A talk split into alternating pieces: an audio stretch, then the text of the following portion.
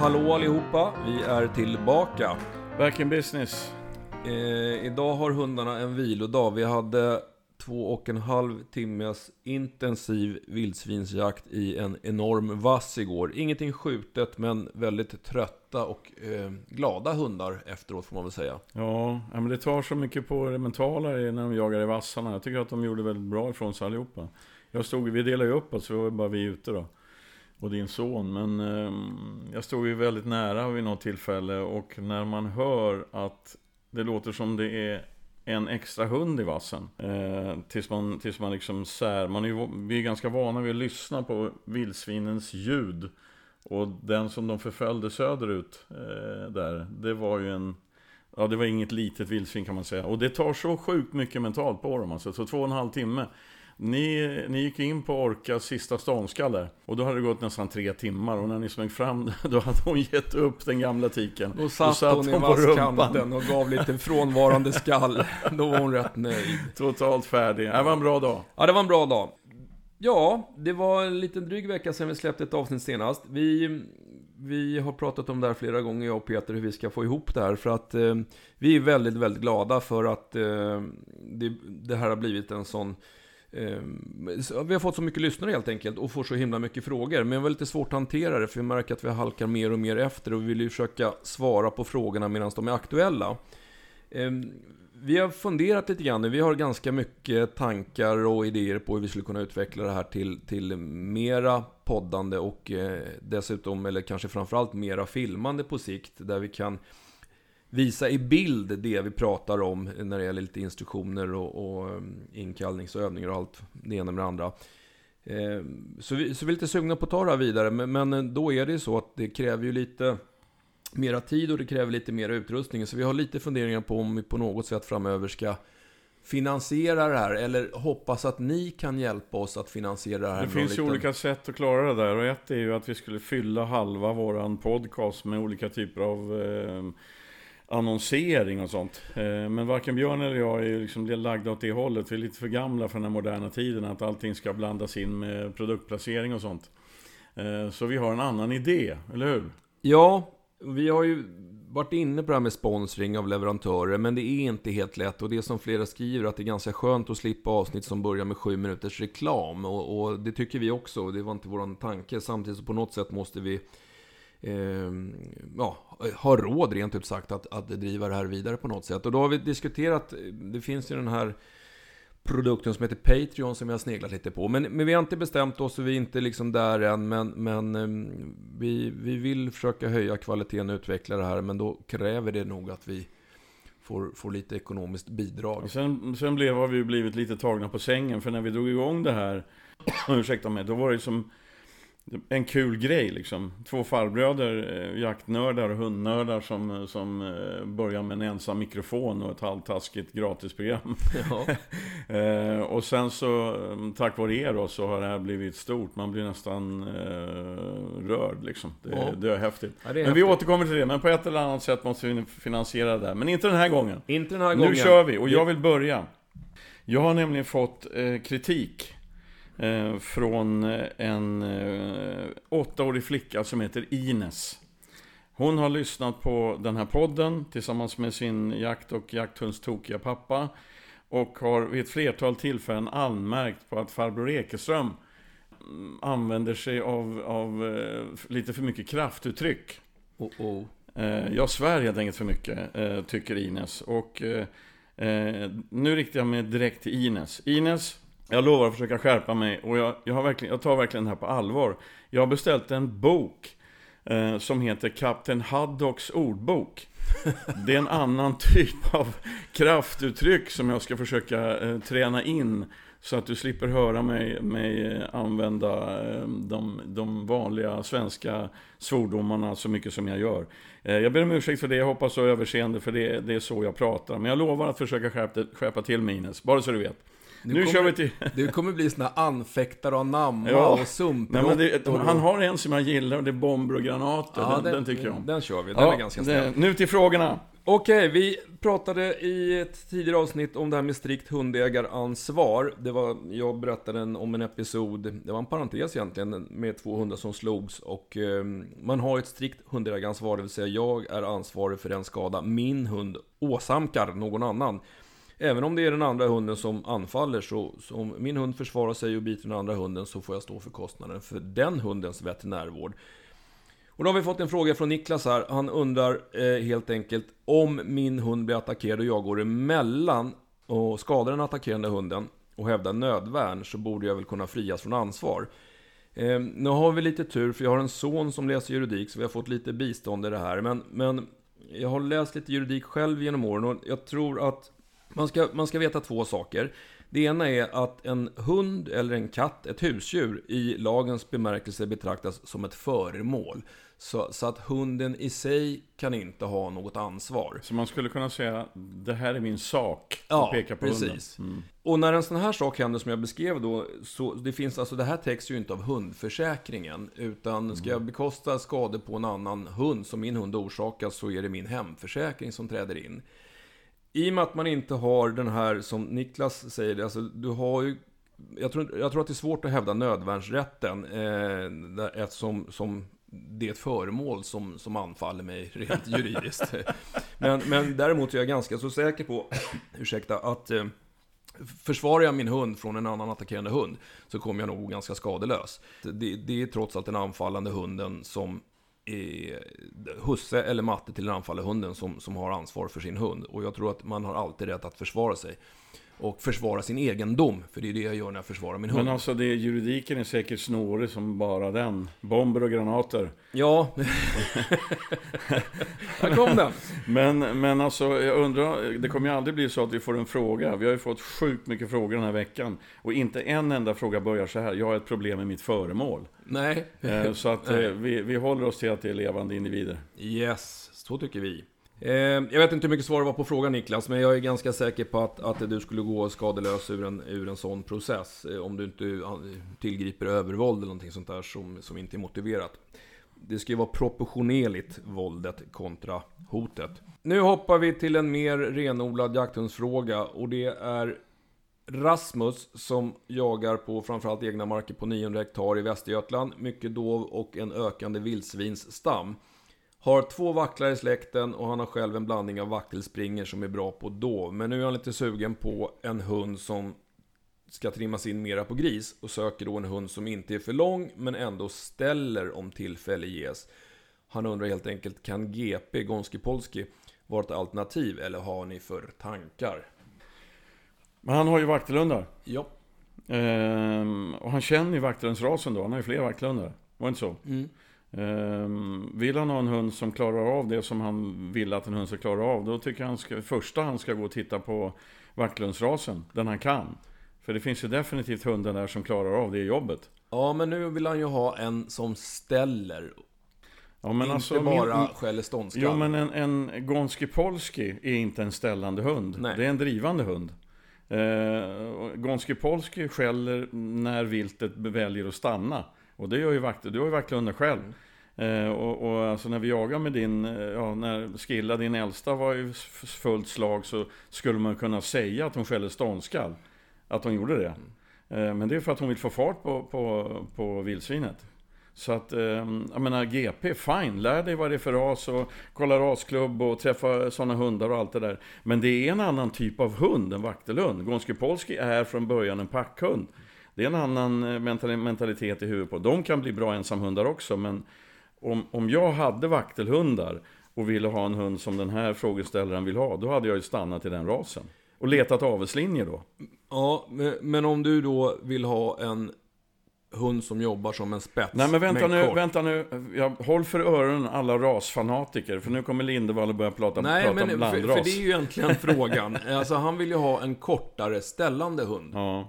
Och... Ja men fine, alltså gråvaktel är ju, som du har är ju ett, ett jättebra alternativ då. Absolut. Om man får den funka så. Och, Om, ja. och sen finns det ju spetsar, kanske framförallt de små spetsraserna som, som kan bli bra ställande och inte kanske fullt lika vidsökta som jämtar. Ja, nej men visst, absolut. Det finns ju andra. Men, men jag tänker bara, alltså det finns ju man ska ju inte glömma bort att vaktelhunden är en bred ras. Letar man i, i, i aveln liksom bland uppfödarna så kommer du hitta hitta olika prioriteringar kan man säga i, i avelsarbetet. Ehm, som, eh, för det handlar också om hur länge håller hunden på, hur, hur, hur tuff är hunden, hur hård är den i jakten.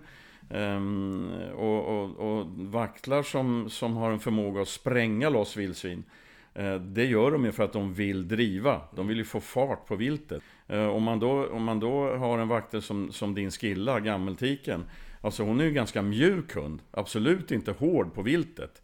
Eh, och hon, eh, då stannar ju hon och skäller på avstånd för att försöka få loss viltet. Mm. Så att det beror på vad man vill ha liksom. Men, men jag skulle vilja påstå också, det är som min grå udda då. Jag menar, du vet ju hur hon är. Hon är ju inkallningsbar i alla lägen. Jag menar, då, det är också en, en variant då. Att, att ha en spets som, är, som man jobbar hårt med och så har du en, en hund som ställer och som förföljer och det finns ju spetsar som är extremt lösa, det är gångstånd i snabb takt och allt möjligt. Men, men jag, jag skulle i alla fall eh, till, framförallt leta i Vacklundsrasen eftersom han kan den rasen. Ja, men då får du ju inte den hund som jobbar med att försöka sätta stopp för viltet. Nej, men han vill ju ha både och. Han vill ju ha, han vill ju ha en kort ställande hund. Okej. Okay. Eh, ja, men då kan du ha rätt i småspetsar då. Ja. Eh, men, men var kommer GP ifrån då? Ja, men han, han har väl en idé om att det ska vara en, en ställande hund. Nej, det är det inte. Ja, men då är ju det svaret. Ja. Lång utläggning för ett kort svar. Ja, jag ber om ursäkt. Nej, vi, vi satsar... Det är dagens första på, fråga, på, så jag är lite för, jag är lite för hård. Okej, vi hoppar till en um, annan fråga och det är Bullen, det är en blandras. Som, det framgår inte vad det är för blandras, jag var lite nyfiken på därför att um, det här problemet som beskrivs är ganska vanligt hos vissa raser. Men eh, Husse har skrivit, Husse Oskar har skrivit här att den här blandrasen eh, Eh, fick en, eh, i somras en, en diagnos som heter tendinit och det är helt enkelt en seninflammation i bakbenen. Och då står det senan glider ut sitt senfäste i hasleden vid löpning i skog och så vidare. Eh, operation var riskabelt enligt veterinären och det låter långsökt att det skulle kunna bli bra. Istället för att jag, ger upp direkt så har jag konverterat honom till en spårhund och näsan är bra. Eh, och sen är frågan då, kommer, kommer det här bli ett problem att få honom till ren spårhund? Eh, istället, han är ju van att vara en, en löshund då. Eh, och har en stor jaktlust. Då skulle jag först vilja säga, det du beskriver, det tolkar jag som någonting som eh, heter slipt tendon. Och, och, jag antar att din veterinär i så fall har använt begreppet slipt tendon. Och det är helt enkelt att där hälsenan går över hälbenet så, så glider det av. Alltså hälsenan glider av hälbenet. Eh, och så låser sig, hunden blir lite halt och så låser sig hasleden lite grann. Jag om det nu är det som är diagnosen, det är därför han har fått en seninflammation, så delar jag faktiskt inte din veterinärs uppfattning om att det är en riskabel operation. Eh, det här är, en, eh, på vissa raser, som jag sa förut, en relativt vanlig operation med en väldigt bra prognos. Så att eh, jag tycker inte, om det nu är en slip tendon så tycker jag att du ska, som jag brukar säga, leta upp någon veterinär som är ortopedinriktad och, och, och ta en diskussion med, med vederbörande. Därför att de här har jag själv opererat ett antal av och det brukar fungera alldeles utmärkt. Eh, så, så, det är väl vad jag skulle rekommendera till i första hand. Sen, sen det här med jaktlusten. Det är klart att har man en hund med stor jaktlust som är van att jaga lös så från ena dagen till den andra att få honom till en väl fungerande spårhund. Men, men jag, tror att, alltså jag tror att man kan få... Det är ju många som när hundarna kommer upp i ålder och börjar gå i pension eh, kör de bara på eftersök eller spår. Eh, så att det är ett, det är ett fullgott alternativ, eller ja, det är ett gott alternativ till, till eh, de får göra någonting i alla fall och jobba i skogen med sin näsa. Eller vad säger Peter? Ja visst, du kan ju få en jaktidiot som är hård i jakten och snabb och allt möjligt och, och spåra bra. Så att eh, det, det, handlar ju bara om att träna på rätt sätt och om att ha tålamod. Eh, för att de älskar ju att jobba med näsan. Eh, så det belönar man bara på rätt sätt under spårträningen så, så kan det nog funka, det tror jag. Okej, vi hoppar till Jenny. Hon har en kort koncis fråga. Hennes fyraåriga gråhund vill inte gå igenom hundluckan. Eh, den är rädd. Det hade hänt någonting när den var liten så hon har aldrig lärt sig gå igenom den här hundluckan. Han tar sig igenom om Matte håller upp luckan lite grann. Men han vågar inte gå igenom den själv. Hur får hon gråhunden att gå genom hundluckan? Det är frågan. Yes. Och jag ska säga, hon har skrivit, det hjälper inte ens att andra hundar, till och med löptikar, går först igenom. Nej men alltså, hur gammal är gråhunden? Fyra år. Fyra år. Och det hände någonting när den var valp antagligen? Ja. Mm. Eh, Men alltså, jag tror att det här har jättemycket att göra med ett invant beteende. Eh, För förmodligen sitter han och piper där utanför. Han har lärt sig att sitter jag bara till länge och piper utanför så är det någon annan som öppnar luckan. Och har hon då gjort det 25 gånger när hunden är ung och dessutom fortsätter liksom, så, så blir det ju så att hunden lär sig att det är så här det går till. Punkt. Men eh, det finns ju massa saker som man skulle kunna göra. Det, hon har säkert provat att ha mat innanför och godis och allt möjligt. Men en, en smart grej, det är att förändra omständigheterna kring problemet. Ehm, och, och det kan man göra på massa olika sätt. Jag ska bara ta några exempel. Ett exempel är att byta lucka. Alltså byt lucka, sätt nya gångjärn, kanske fjädrande gångjärn, alltså, eller så extremt uppsmörjda gångjärn så luckan du vet, rör sig i vinden. Den är otroligt lätt alltså. Börja med, med, om man vill vara noggrann så kan man börja med en lucka som, är, som består av papp bara, som är extremt lätt. Eh, så att hunden försöker, alltså, för då är det ju en annan, det, det ser annorlunda ut, det låter annorlunda och sådär va. Och, och om hon provar den, den taktiken eh, så gäller det att ha ett extremt tålamod. Prova med löptikar då, får vi se hur det går.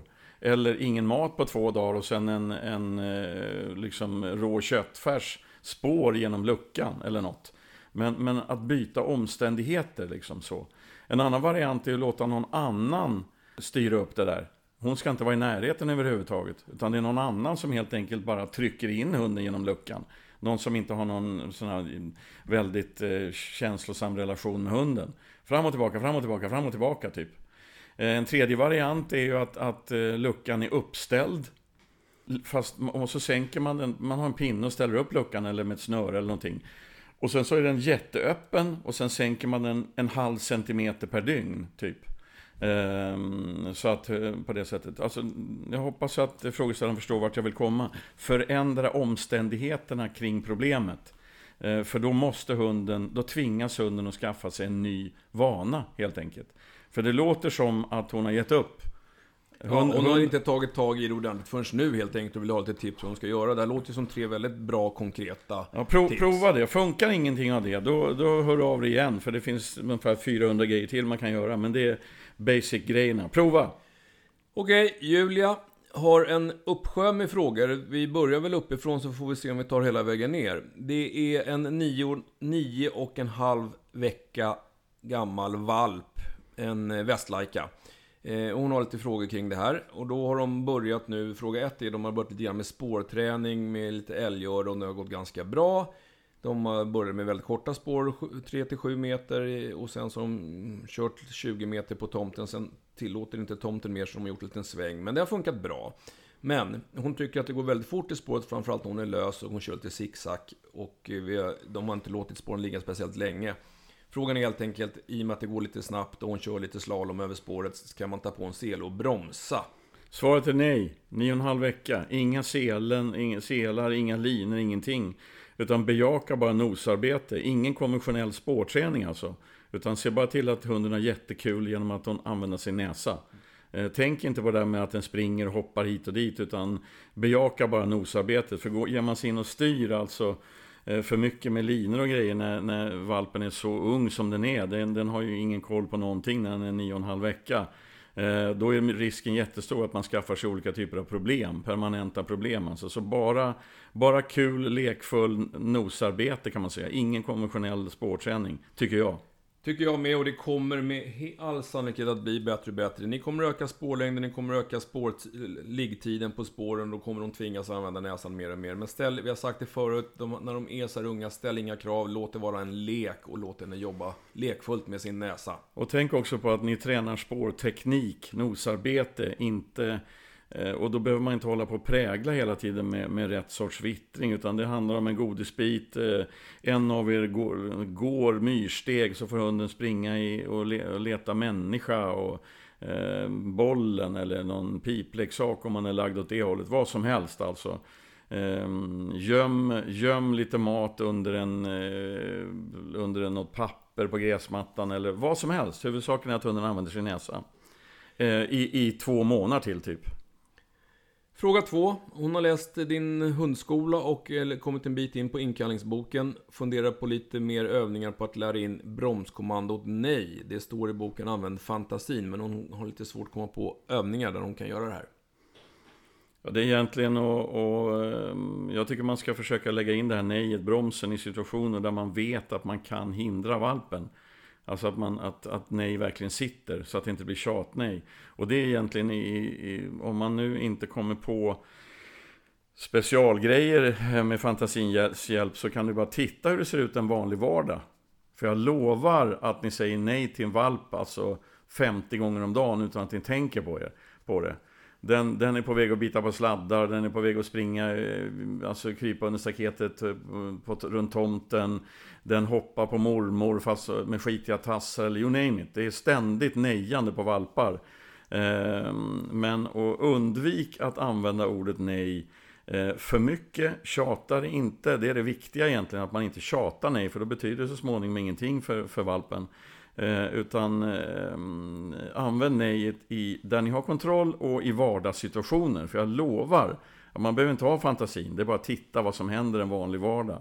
Jag har ju varit här hos dig en stund nu i, eh, och jag menar, du har ju sagt nej till valpen tre gånger på den sista halvtimmen. Det blir ju så automatiskt. Huvudsaken är att man genomdriver nejet.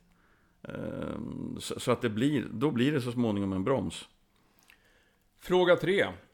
När man så småningom ensamhetstränar och hon börjar gnälla och skälla, hur ska man gå tillväga? Ska man gå in när hon gnäller så får hon ju sin, eller att gå in till henne när hon gnäller, då får hon sin vilja igenom, eller ska man bara vänta tills hon tystnar?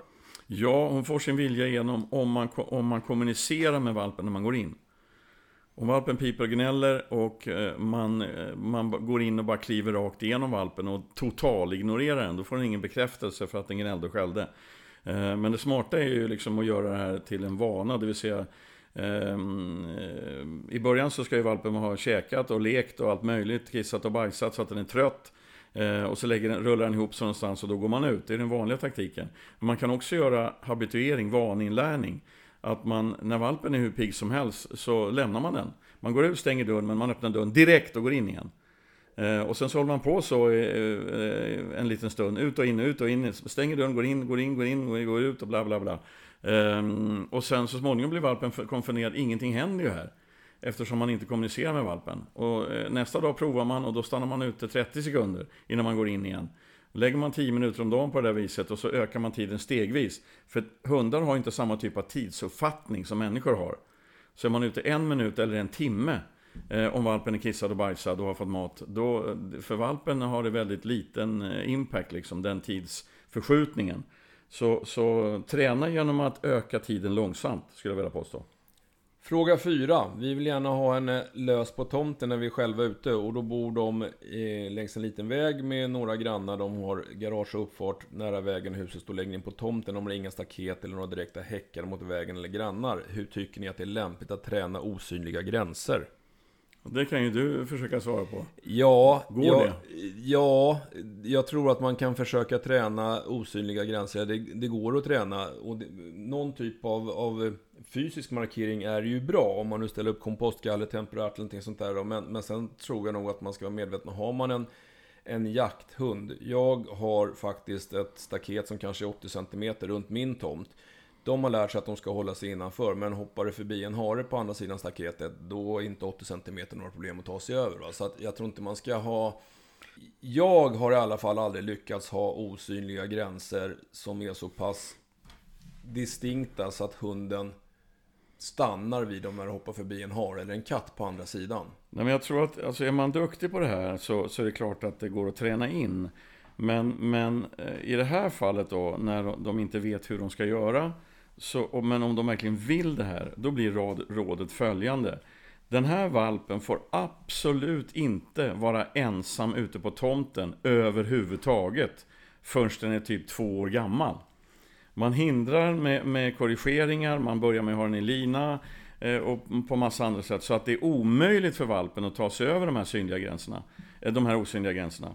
Då, då, då, blir det som, då blir det en vana för den här hunden att inte kliva över den här osynliga gränsen.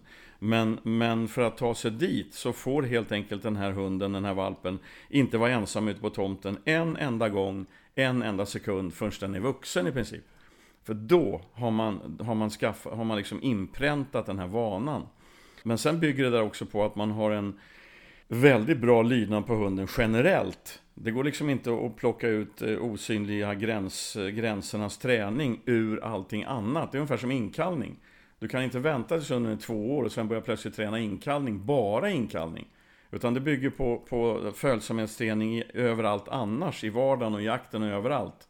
Då kan man få fram det här. Sen är det, sen är det här också en individfråga. Vissa hundindivider är ganska lätta att få följa de här instruktionerna kan man kalla, kalla det.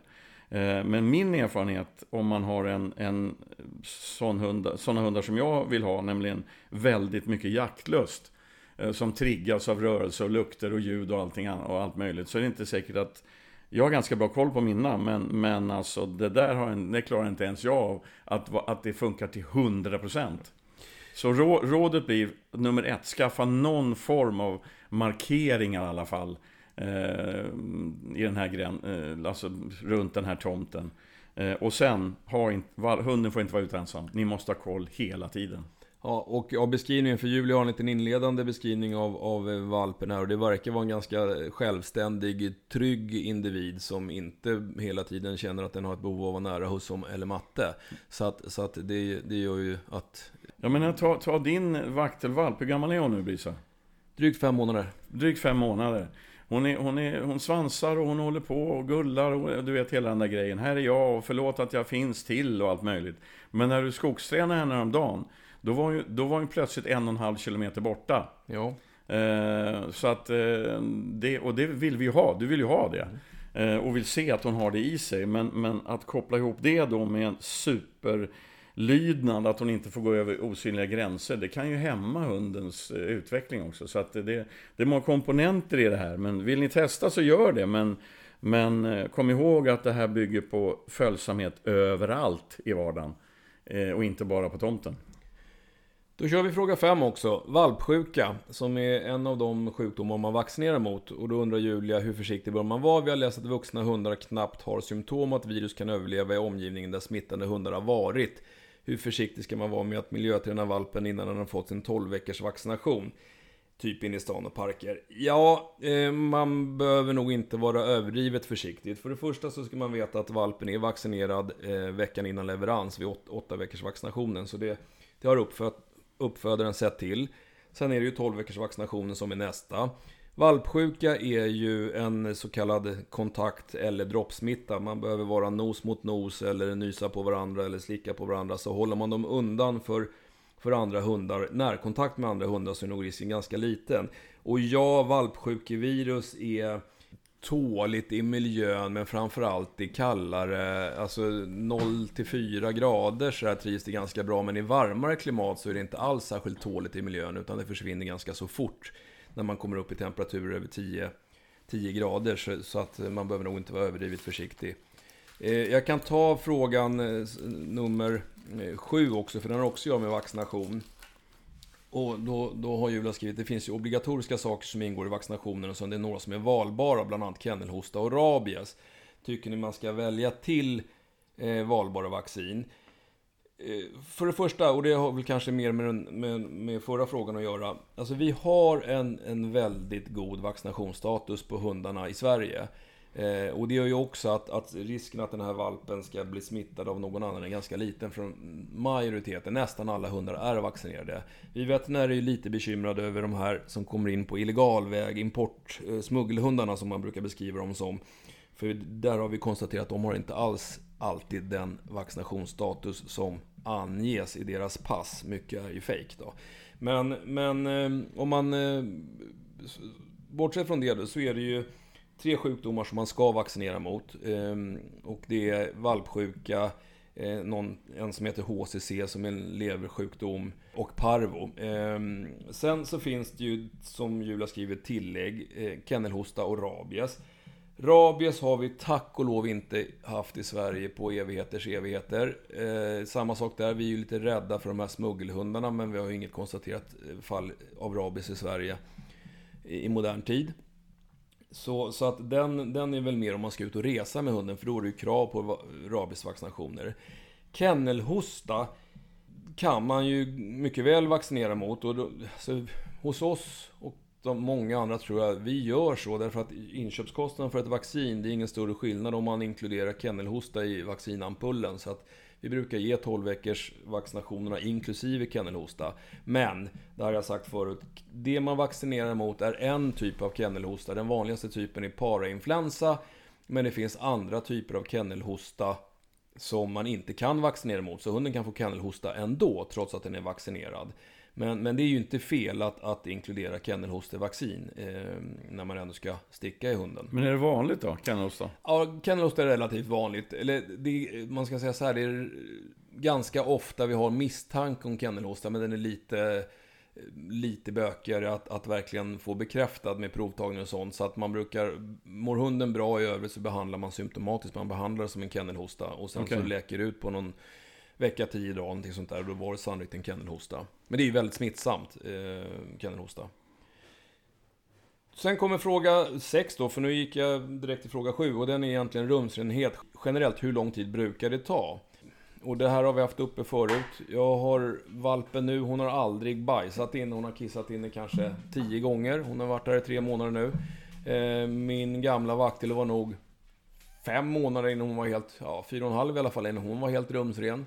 Eh, mycket individ, skulle jag säga. Och eh, naturligtvis en hel del träning också. Det är lättare på sommaren om man, om man bor som ni gör, att man kan släppa ut hunden på tomten eh, och ge lite beröm när den kissar ute och sen inte bry sig så mycket om den kissar inne. Men, men jag, vet, jag, tror inte man generellt, hur lång tid kan det ta? Jag har haft valpar som, eh, som kissade in en gång och blev rumsren på 24 timmar.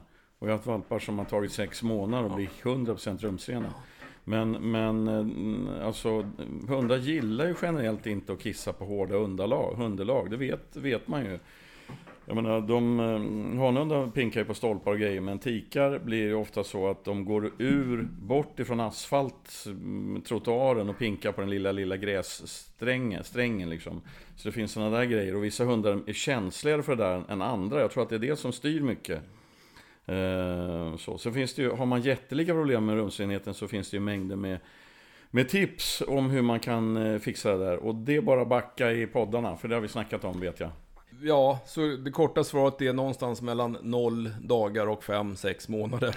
det blir inte mer precis än så. Ja, ibland får vi waila ut lite. Ja, ja. Det, vi kan inte... Ja. Sen har vi Julias sista fråga. Vad tycker ni är de viktigaste grejerna att lära valpen nu i början? Hur gör ni själva med era valpar? Eh, om jag börjar med vad jag tycker är viktigast. Jag jobbar mycket med att skaffa mig en relation med min hund. Jag försöker lägga så mycket tid tillsammans med henne som möjligt. Eh, jag försöker att ha så lite krav på henne som möjligt. Det vi gör ska vara lek eh, och, och roligt. Och sen så självklart jobbar man ju hela tiden parallellt. För min del så är det mycket det här med att hon ska lyssna på mig. Nej-kommando, inkallning.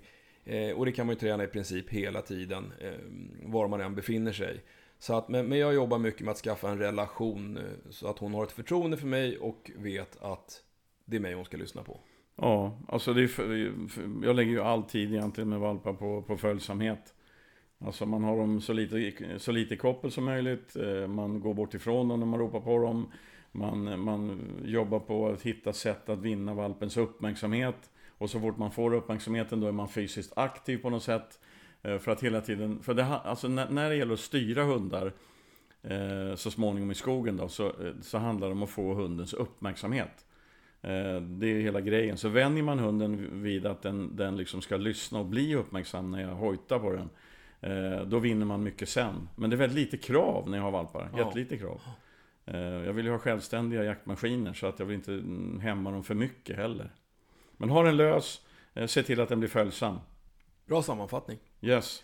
Nu är det, nu är det veterinärfråga igen. Ja, nu är det Mårten som eh, vi är inne på det här med kastrering. Först har Mårten lite kritik för vår första episod, vårt första avsnitt med våra nya mickar. Det, det blev lite konstigt där med stereoinställningen innan vi kom på hur de funkar. Men det är åtgärdat, jag hoppas det här ja, hörs ni, bättre. Ni måste vara överseende där alltså. Vi kan ett och annat om våra ämnen, men teknik är inte vår eh, högst prioriterade, prioriterade kunskap. Nej.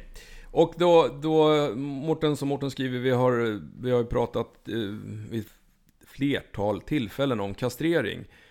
Och man kan prova kemisk kastrering och så vidare. Eh, men, men eh, vad Mårten är inne lite grann på här är att om man nu har en hund som har olika typer av problem, medicinska eller, eller psykologiska beteendeproblem, är det inte liksom en idé att kastrera dem rent allmänt då? Och jag kommer komma tillbaka till det här, för vi har en, en mer specifik fråga i ämnet. Och, och jag, jag, kan bara hålla med. Eh, sen har han en kon konkret fråga här det var den här gråhunden som hade en förstorad prostata, om, om det kan vara ärftligt, så att man borde kastrera en sån hund.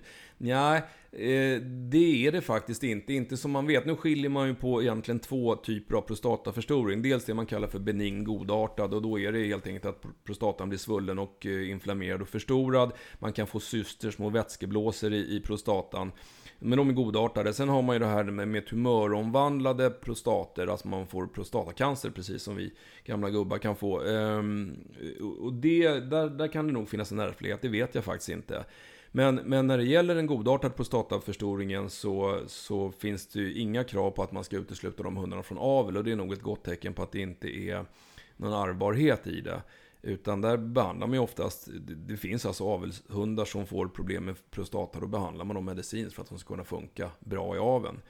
Så, så att eh, skälet till att man rekommenderar kastrering av prostataförstoring, det är att prostata, den godartade prostataförstoringen är ofta styrd av könshormonerna. Alltså när de ut, utsöndrar eh, testosteron så, så får de problem med förstorad prostata och därför kastrerar man dem. För då har man ingen testosteron och då får man ingen förstorad prostata.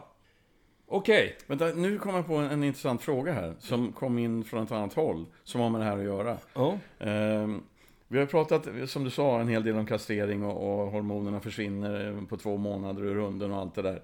Men om, om det är så att man får en negativ effekt av en, kast, av en kastrering eh, jaktligt beteendemässigt på något annat sätt, att hunden blir lite loj eller att man, man misstänker att kastreringen har fört med sig att, eh, ja du vet det här gamla vanliga då, att, att den är för loj, den, den jagar sämre helt enkelt. Finns det något sätt att tillföra hormon som det finns, vi människor kan ju käka eh, östrogentabletter och testosteronbehandlingar och allt möjligt. Eh, finns det något sånt i hundvärlden? Nej, inte så vitt jag vet. Inte i Sverige i alla fall. Jag har ingen aning om i USA är de lite mer eh, liberala eller eh, frisynta vad det gäller det där tror jag. Så eh, jag har faktiskt aldrig hört talas om det. Men, men bara som en parentes, i USA om man kastrerar en hanhund så är det inte ovanligt att man lägger in eh, konstgjorda plastbollar. ja, det har jag sett på nätet. Ja. Man kan köpa speciella skit, skitschyssta pungkulor ja, ja. i små fina tygpåsar och sy fast. Och då undrar man om det inte är mest för husse och mattes skull, för jag tror inte hunden bryr sig. Det lär nog Nej, jag tror faktiskt inte det. Och sen så kan man alltså om det nu fanns, då funderar jag på vad händer då? då? Då får man ju kanske tillbaka en del av det här hanhundsbeteendet som man ville undvika när man kastrerade. Men, men ja, Nej, jag, jag mig vetligen jag ska luska lite i det, men jag har aldrig hört talas om att det finns några sätt att tillföra hormoner om man nu tycker att man har tappat effekt efter kastration. Bra, släpper vi det. Och då hoppar vi in på en gråhund som vi har fått ett mail om tidigare. Det är en tvåårig gråhund som har svårt att ställa djuren. Eh, det har funkat jättebra tills han fick stryk av en sugga. Nu så kan han leta upp älg och gris, skälla 5-10 skall, sen går det loss och så drar det iväg och sen så ser husse på pejlen att, att det stannar, man hör inga nya skall.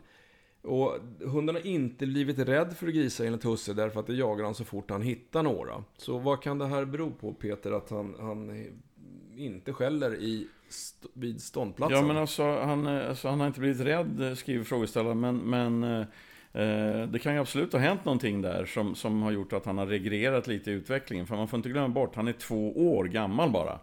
Eh, vilket innebär att han inte är vuxen i huvudet helt och hållet. För min, jag vet att det finns säkert många som inte håller med mig där, men som jag ser det så har jag, jag har inte träffat särskilt många spetsar som, som, som, man, kan, som man bedömer som fullvuxna, eh, mentalt alltså, förrän de är två och ett halvt, tre år gamla. Eh, så att jag tror helt enkelt att har den här eh, hundföraren bara is i magen så lär nog eh, skallet släppa ordentligt eh, när den här grunden står med vilt igen. Han är ung helt enkelt. Och det är klart att om han skällde bättre förut eh, och efter den här incidenten med vildsvinssuggan så skällde han sämre. Så det är klart att någonting hände, just den pusselbiten. Det kanske går så mycket mental kraft eh, av att bara stå vid viltet. Eh, och så att säga hålla fast viltet då. Ehm, så att han inte riktigt, så att skallet inte riktigt kommer. Det brukar vara så att har man bara tålamod och jagar mycket med en sån hund så kommer skallet komma. Eh, det är det vanliga. Om, om det inte är så att du kan ha ett svar på den här frågan också.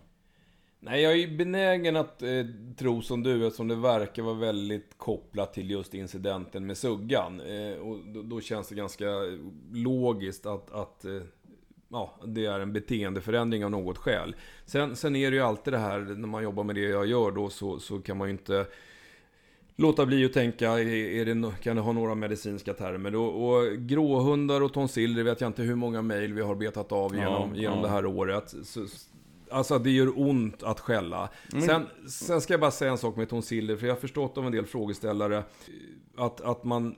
Det, tonsillerna, det är ju en kört, det är ju två körtlar som sitter längst bak i munhålan, alltså innan...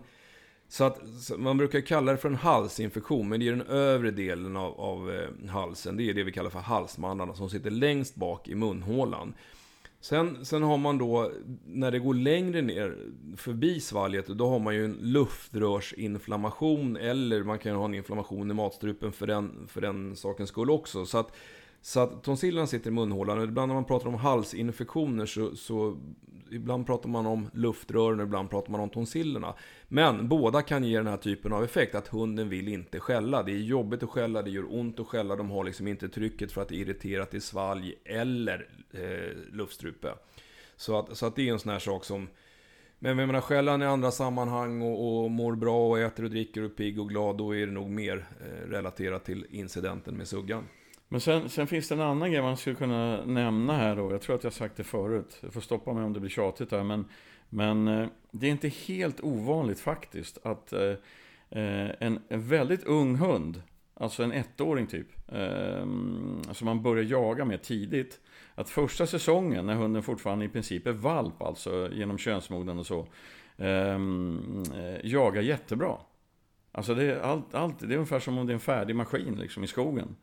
Eh, inte helt ovanligt så blir det sämre säsong två. Jag, jag får jättemånga sådana frågor. Varför jagar hunden sämre nu? Då frågar jag hur gammal är den?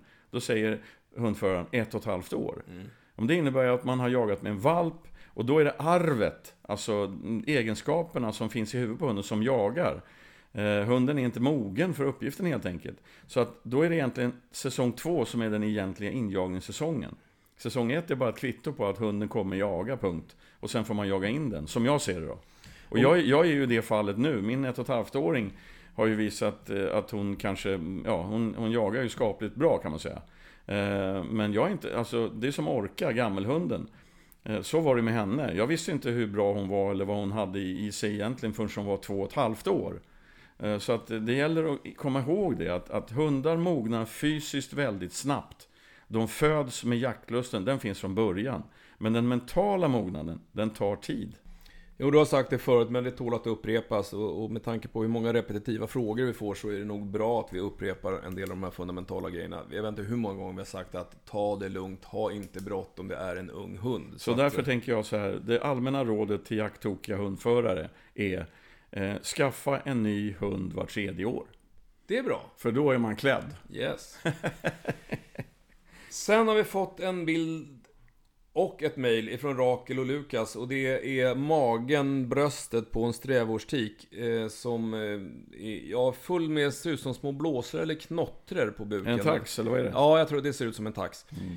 Eh, hon verkar helt opåverkad av det här, men det blir varje gång hon har varit ute i skogen. Och inte ont och inte kliar, och vad kan det bero på? Och min gissning, för det här blir en gissning, eh, är att hon är, reagerar. Det står ingenting om hur gammal hon är, för det hade varit lite intressant. Men jag skulle tro att hon eh, får någon typ av, av eh, allergisk reaktion. Mm. Någonting, alltså det ser ut som det bara är bröstet och buken, det vill säga den delen som släpar i nässlor eller grenar eller eh, någon typ av gräs eller vad sjutton det kan vara. Att det verkar vara där hon reagerar. Så jag skulle tro att det är någon typ av det vi kallar för Ehm, kontaktallergi eller, eller, atopi, alltså någonting som triggar igång en allergisk reaktion.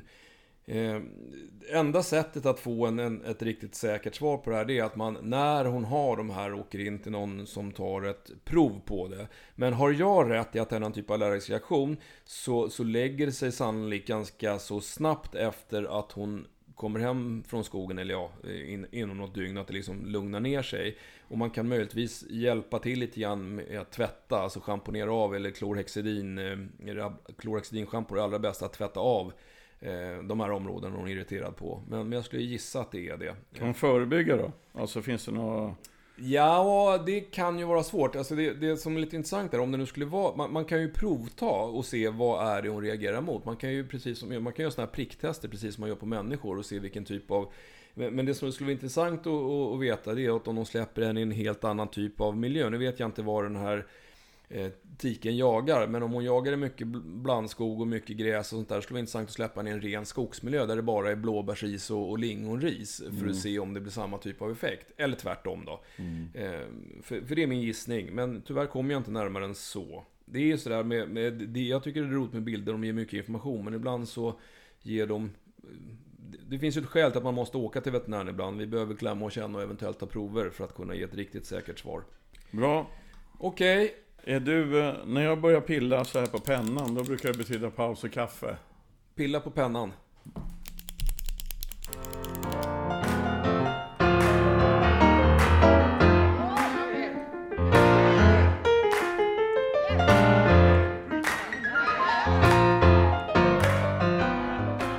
Påfyllda kaffekoppar och vi har en favorit i pris, ska vi säga det Peter? Ja, det är alltså, det är inte eh, någon specifik eh, frågeställare här, utan vi får, jag får väldigt många sådana frågor.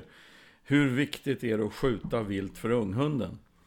Eh, och eh, ja, alltså ja och nej alltså kan man säga.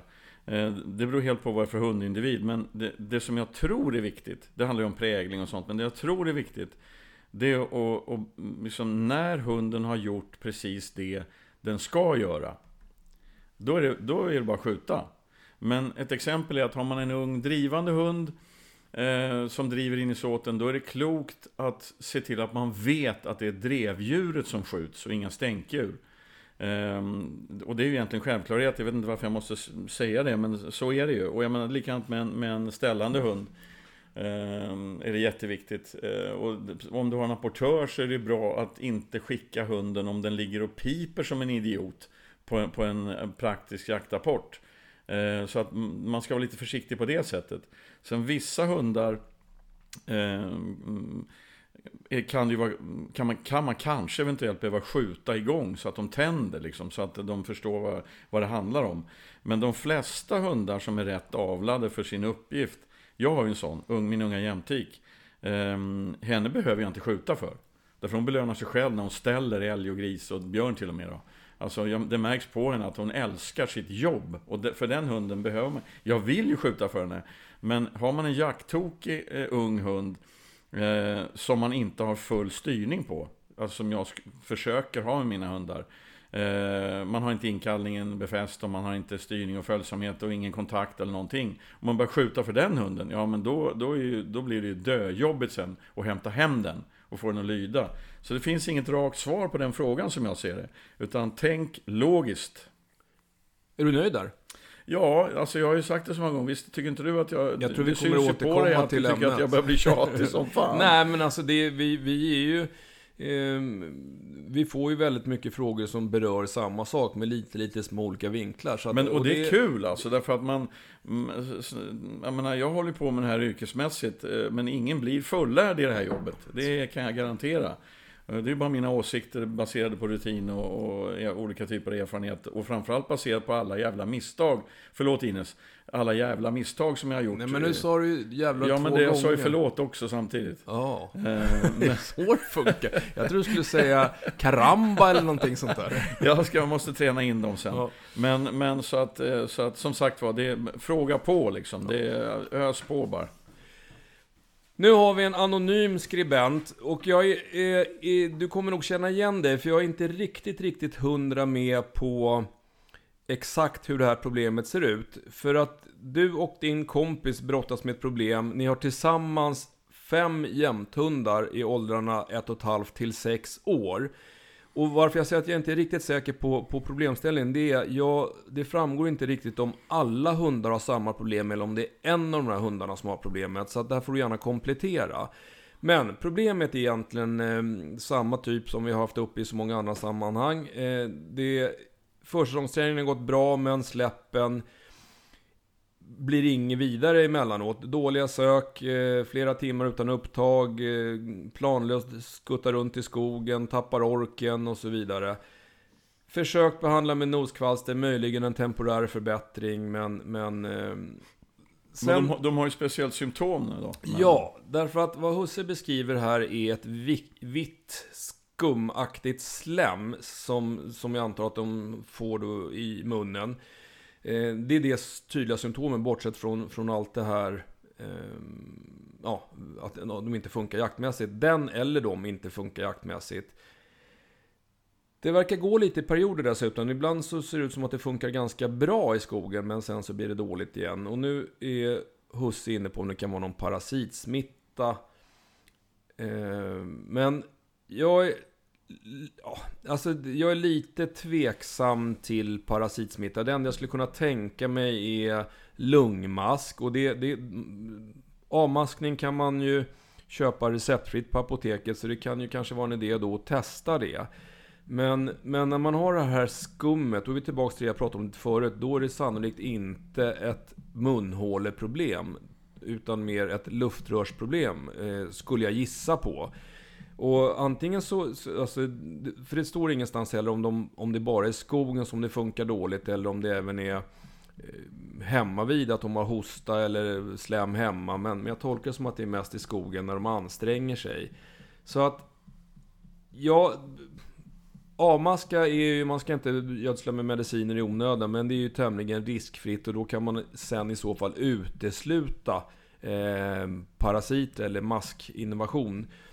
Fortsätter symptomen efter det, då skulle jag nog ge mig till någon veterinär som, som inte bara eh, kör noskvalsterbehandling utan man faktiskt får gå ner och titta lite ner i svalg och hals för att se eh, om man ser några förändringar. Men om, det, om det är fem jämthundar som alla bubblar ur sig eh, vitaktigt slem när de anstränger ja, sig. Ja, det är det som är, det är det som är konstigt va. Och så tänkte jag så här kennelhosta, om de nu umgås flitigt, att de kan ha fått en kennelhosta. Men då borde man sett symptom Eh, även i andra, i andra sammanhang. Och dessutom så borde det ha läckt av vid, vid, om det här, för det ska ju inte vara mer än ett par veckor kanske. Och är de pigga och inte har några symptom an, vid andra tillfällen så är, det låter ju som att det här är någonting som kommer vid ansträngning. Men det är väldigt, väldigt märkligt att alla fem har samma symptom. Så du som har skrivit, du får jättegärna komplettera lite mer, men, men eh, eller så testar du avmaska och blir det inget bättre där så, så återkommer du helt enkelt. Nu har vi en klassisk apporteringsproblematik här. Och det här är en eh, sex månaders flatte, flat-coated retriever-valp som nu börjar präglas på det han i framtiden ska jobba med, eftersök samt apportering.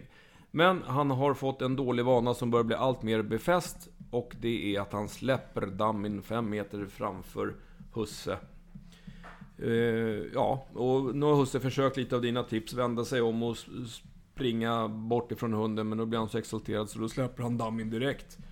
Frågan är helt enkelt, hur gör jag för att korrigera beteendet? Och när kan man börja lägga in det här som ett krav att han ska ha en korrekt avlämning? Ja, min erfarenhet är ju att han ska inte korrigera problemet alls. Utan han ska backa, backa i träningen. Han ska börja om från början och nu biter Björns valp på en byrå och blir hårt tillrättavisad med ett Nej, nu kom det. Bra. Eh, eh, förlåt avbrottet. Eh, han ska backa i träningen den här, den här hundföraren. Eh, han ska börja bejaka, han ska backa så mycket så han, han bejakar bärandet. Han ger fan i avlämningarna. Han bejakar bär, förlåt Ines. Eh, han bejakar bärandet. Ehm, Alltså, alltså förlåt Ines kommer bli din mest vanliga kommentar. ja men alltså jag, jag, tog åt mig verkligen. För att jag menar, jag vill ju att Ines ska orka fortsätta lyssna. Um, han ska backa träningen, bejaka bärandet. Strunta i avlämningarna. Det kommer sen. Um, om han börjar korrigera när, när hunden inte förstår vad den ska göra. Då lär problemet växa. Ehm, det är min absoluta erfarenhet. Jag har haft ett antal apportörer genom livet och gjort alla misstag man kan göra. Ehm, och det smarta om man har en apportör som är sex månader som man börjar träna apportering med. Om, om man stöter på ett problem som inte funkar, då släpper man den delen av apporteringen. Och så backar man i träningen och gör annat som gör att hunden älskar att hålla fast det den har i munnen. Det, det är definitivt nummer ett. Och rådet till den här hundföraren är att gör det. Ehm, så kommer vi återkomma till hur man går vidare med avlämningsträningen. Men alltså vi snackar månader av bejakande av bärande. Eh, inga händer mot, inte ta ut i munnen, inte sitt vid sidan, nu är du duktig, loss och allt det där. Det är för tidigt. Eftersom hunden uppenbarligen inte förstår varför den är född. Bra. Då kör vi på det. Och nu kommer jag tillbaka till ett ämne som vi lite lätt berörde för en stund sedan. Och det här är Ann-Kristina som inte är jägare, men eh, hon har jagat lite med retrievers. Men hon har en knippe border collies som hon vallar med. Så det är arbetande hundar fast på ett annat sätt. Men hon tycker ändå om att lyssna på våran podd, kul. Nu har hon en liten fundering eller reflektion kring det här med kastrationer. Eh, och det är... Hennes fundering är helt enkelt, är det tabu i Sverige med det här med kastration, framförallt bland jakthundar? Och som, som Ann-Kristina skriver också, utomlands är det en ganska vanlig operation. Och vi har ju pratat om en del sådana här icke önskade beteenden och, att, eh, och även sjukdomar som kan uppstå på okastrerade hundar. Och, och, varför kastrerar man inte de här mer generellt då? Och jag, jag kan nog hålla med om att det är lite tabu, men jag tycker, det är fortfarande lite tabu, men det har svängt. Alltså för 15 år sedan så var inte kastration eh, någon jättevanlig operation. Nu är det en standardoperation. Vi kastrerar både hanhundar och tikar i princip varje dag. Så att, så att jag tror att det har svängt lite grann. Jag vet inte om det är en generationsfråga eller inte, men, men eh, det har ändrat sig. Men precis som du skriver, alltså i USA så tror jag till och med att man kastrerar Eh, valpar, man levererar kastrerade valpar. Nu ska jag inte säga att USA är något föregångsland. Här i Sverige har vi en lagstiftning som säger att de får vara som yngst sex månader när man kastrerar. Men, men jag håller helt med. Jag, är ju, jag har ju svängt genom åren. Jag är ju ganska pro det här med kastration nu. Och det är klart att vet man att man har en hund som antingen har oönskade beteenden mentalt som man av någon anledning kan, kan tro går, går i arv. Eller eh, defekter, alltså anatomiska defekter, sjukdomar som också är genetiska.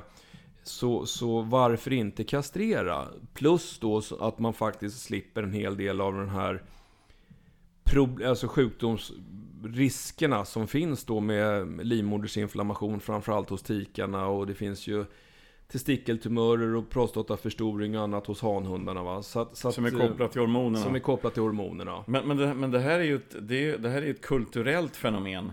Ja, alltså, det är nog hon, mycket hon så. säger ju att, att det, är, det är vanligare i andra länder och så. Eh, om jag förstår så har ju frågeställaren jobbat med alla möjliga typer av hundar, tjänstehundar ja, och, och sådär. Ja. Och, och, då har man ju en annan inställning till det. Det är en ja. kulturell grej. Men, men det finns en annan komponent i det här som jag tycker är intressant. Eh, om, om vi ändrar kulturen fullständigt och bestämmer i förväg vilka hundar vi ska avla på, så lovar jag dig att vi kommer missa i aven. Stamboksaveln i Sverige är redan för liten som den är. Det, det, liksom, det är bara 10% av alla hundar vi jagar med som provas överhuvudtaget i jaktprov. Och det, och det är de resultaten då, av 10% bara av alla hundar vi jagar med, som stamboksaveln eh, är baserad på. Så att om man kastrerar alltså, vanemässigt, ja men då kommer du ju missa möjligheter till avel på hundar som, vad är det här för någonting, var kommer den ifrån? Den är fantastisk, höga poäng och duktig på alla möjliga sätt. En hund som absolut inte var menad att gå i avel från början. Så att, så att det är en balansakt som jag ser det. Ja, nej, och det, jag menar definitivt inte att man ska regelmässigt kastrera. Utan det, det jag säger är att har man, en del säger att jag kommer aldrig använda mina hundar i avel. Jag är inte intresserad av att, att ha en kull här hemma eller någonting sånt där. Ja, då kan man ju fundera på det. Men har man har man tankarna på att använda hunden i avel och det blir en bra hund, självklart, man ska inte kastrera för sakens skull. Men, men sen är det så här, alltså det, det, är ju, det finns ju de här defekterna, alltså ta kroksvans eller navelbrock, alltså där, de, ska man inte, de som har anatomiska defekter ska man ju inte avla på. Eh, och, och, då kan man ju lika gärna kastrera dem, eh, egentligen. Men de, jag har ju ett egna exempel, de spanieltikar några stycken jag har haft genom åren. eh, och jagat hårt med. De har ju allihopa från fem års ålder drabbats av, av såna här eh, små tumörer i djuren och, och massa grejer. Och det, det hänger ihop med, med eh, hormon, hormonerna. Yes. Eh, så att eh, det är klart att, att eh, det ligger, ligger en del i vad hon säger. Man ska inte vara rädd för kastrering och se det som någon sorts det är ganska vanligt att man hör att jag vill inte kastrera min tik därför att då förstör jag hennes personlighet. Den typen av, det är mänskliga, mänskliga känslor som kommer in som är med och stör. Men jag håller med henne också, det har ju varit du säger att kastrering är vanligt, men det är fortfarande ganska ovanligt bland jakthundarna. Ja, definitivt. så att det, det är schysst att debatten kommer upp, liksom, man pratar om det. För det är en hel del problem både, både mentala mm, alltså trassel och medicinska problem som man kan undvika genom kastrering. Så är det ju. Yes. Jag ska ta en kort fråga här bara för att jag fick en, en bild från Daniel apropå, vårt, eh, apropå ditt inlägg förra veckan om ringorm. Eh, och då har Daniel skickat en, en, en, bild på yngsta sonen som har en, en knippe utslag på ryggen. Eh, och undrar om det kan vara ringorm. Och nu är jag definitivt ingen humanläkare, men jag tror inte att det där är ringorm av två skäl. Dels så skriver du att de försvinner ganska så fort, och det gör inte ringorm. De brukar sitta i i alla fall ett par, tre veckor. Plus att de, skälet till att det heter ringorm är att man får en väldigt markerad röd ring runt utslagen. Alltså kanterna på utslagen blir en väldigt tydlig röd ring. Jag tror man kan googla säkert på det där på ringorm och, och, välja bilder så ser man hur det ser ut. Så, I och med att de försvinner så snabbt så tror jag mer att det är någon typ av allergisk reaktion. Men, men som sagt, jag är ingen humanläkare, men jag tror inte att det är ringorm. Nu kommer vi till dagens sista och kanske knepigaste fråga. Eh, och knepig därför att det låter... Eh, hela, hela historien låter märklig. Det här är en, en fyraårig tik oj, av ras, rasen Basset Fov.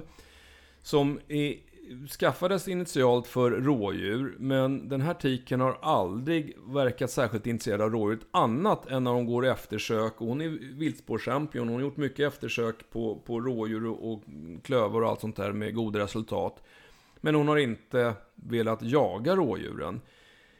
Sen, hon har ju uppenbarligen jagat. Hon har haft drev på flera timmar. Det framgår inte vad, om hon jagade dov eller om hon jagade hare. Men, och nu kommer det stora problemet, bortsett från att hon inte vill jaga rådjur. Hon har denna höst inte velat jaga alls.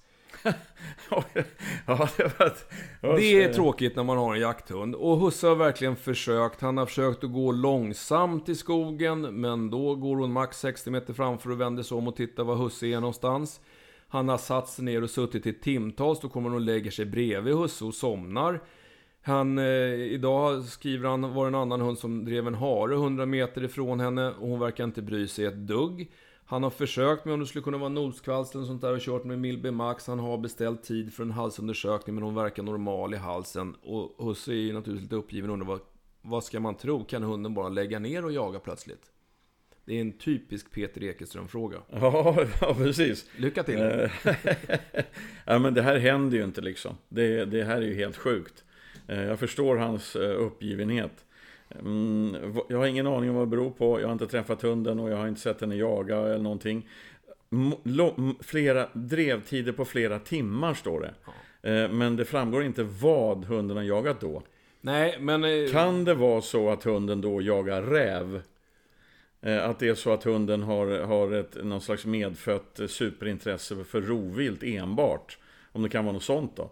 Men eh, skitsamma, nu har hunden slutat jaga helt. Den här frågeställaren ska få två råd. Eh, det är lite intressant ändå för att eh, jag, fick, jag har fått ett antal frågor på telefon den här veckan som, som, som har fått samma råd kan man säga. Eh, för de har de har jagat sämre, alltså, det, alltså jaktlusten eller vad det nu är har dalat och så. Jag har två råd. Nummer ett, stalla upp den här hunden. Den får inte jaga.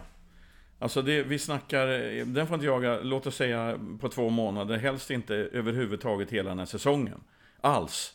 Eh, och sen släpper man den första oktober eh, nästa år. Om ett år alltså. Eh, och se om, om det här har med olika typer av vanor att göra. Om det, om det finns något, något eh, någon koppling till, eh, till eh, liksom, ja, mm, hon, alltså hundföraren eller jaktlaget eller vad fan vet jag. Hunden har fått för sig något. Eh, och vanor kan man bryta genom att fullkomligt plocka bort förutsättningarna för att hunden ska kunna göra det som den har vana i. Råd nummer två. Hitta, någon, hitta en annan hundförare. En total jaktidiot som inte har någon, något känslomässigt band överhuvudtaget med den här hunden. Och låna ut eh, basseten till den hundföraren hela den här säsongen. Och låt den personen jaga med hunden Eh, hunden känner inte människan och det, det är helt nya marker och, och, allt det där för att se om hunden ändrar beteende då. Om inget av de här tipsen funkar, då har jag inget svar på det här. Alltså på riktigt. Eh, det här är ju helt eh, sjukt bara. Ja, alltså... det lät mycket, mycket märkligt. Eh, och jag återigen, vi förstår din frustration. Det här var ingen, inget roligt problem. Men... men båda de här råden är ju svåra att genomföra. Man vill ju jaga med sin hund då. Ja. Eh, och man vill absolut inte låna ut den till någon. Men jag tror att, att eh, om hunden fortfarande inte jagar efter de två insatserna, någon av de två insatserna, då, då är, har jag inget svar på frågan. Jag är ledsen, det tror jag ingen har. Hä? Det var ju en ganska tråkig avslutning, ja. men eh, så var det. Får jag avsluta med en eh, jakthistoria? Ja, varsågod. Eller jakthistoria, det är en historia i verkliga livet. Alltså bara för att, bara för att sprida budskapet vad jakthundar kan åstadkomma. Mm. Eh, jag har en kompis, en, eh, en yngre får jag säga, yngre kompis eftersom jag själv börjar bli gammal som fan nu. Som för till, till för ungefär 12-13 år sedan var en riktig strulputte. Alltså också ur mm, svenskt rättsväsendet eh, hänseende. Ja, en halvskummis helt enkelt. Ja. Eh, en adrenal adrenalinjunkie av olika slag. Eh, som hade lite problem med, med, med lagar och regler i Sverige. Hans dåvarande sambo fick för sig att hon ville ha en jämthund. Därför att hennes, hennes pappa jagade. Hon var uppvuxen med taxar men hon tyckte jämthundar var fina och gulliga på alla möjliga sätt. Och eh, den här strulputten, min kompis, han, han föll till föga och de skaffade en jämthund. För den här unge mannen så var jakt och jägare någonting töntigt. Han fattade inte vad det handlade om överhuvudtaget, tyckte det bara var larvigt. Men när den här jämthunden blev lite halvvuxen så följde, följde mannen med sin svärfar ut och jaga. Eh, förmodligen i gympadojor och jeans och någon sönderriven t-shirt eller något. Eh, den här jämthunden fick tag i vildsvin. Eh, en grupp vildsvin och det blev dundrande ståndskall i en tätning i Småland. Den här unge mannen, alltså han fick ett sånt adrenalinpåslag så att han visste inte var han skulle ta vägen. Alltså det var det häftigaste upplevelsen han har varit med om i hela sitt liv. Eh, sen hände det där flera gånger under en veckas period eh, och eh, sen kom polisen och hämtade den här pojken. För att han skulle göra en kortare volta helt enkelt, inlåst någonstans. Men han hade redan bestämt sig att vända hela sitt liv. Han sa, sa upp gamla bekantskaper eh, och nu är han framgångsrik företagare, har fyra egna jämthundar och en total jaktidiot som sen den dagen har hållit sig på rätt sida om svenska lagar och regler. Det blev en mycket bättre avslutning nu. Ja, jag tycker det. Ja. Så jakthundar, de kan förändra livet. Tänk på det. Perfekt. Om någon frågar oss.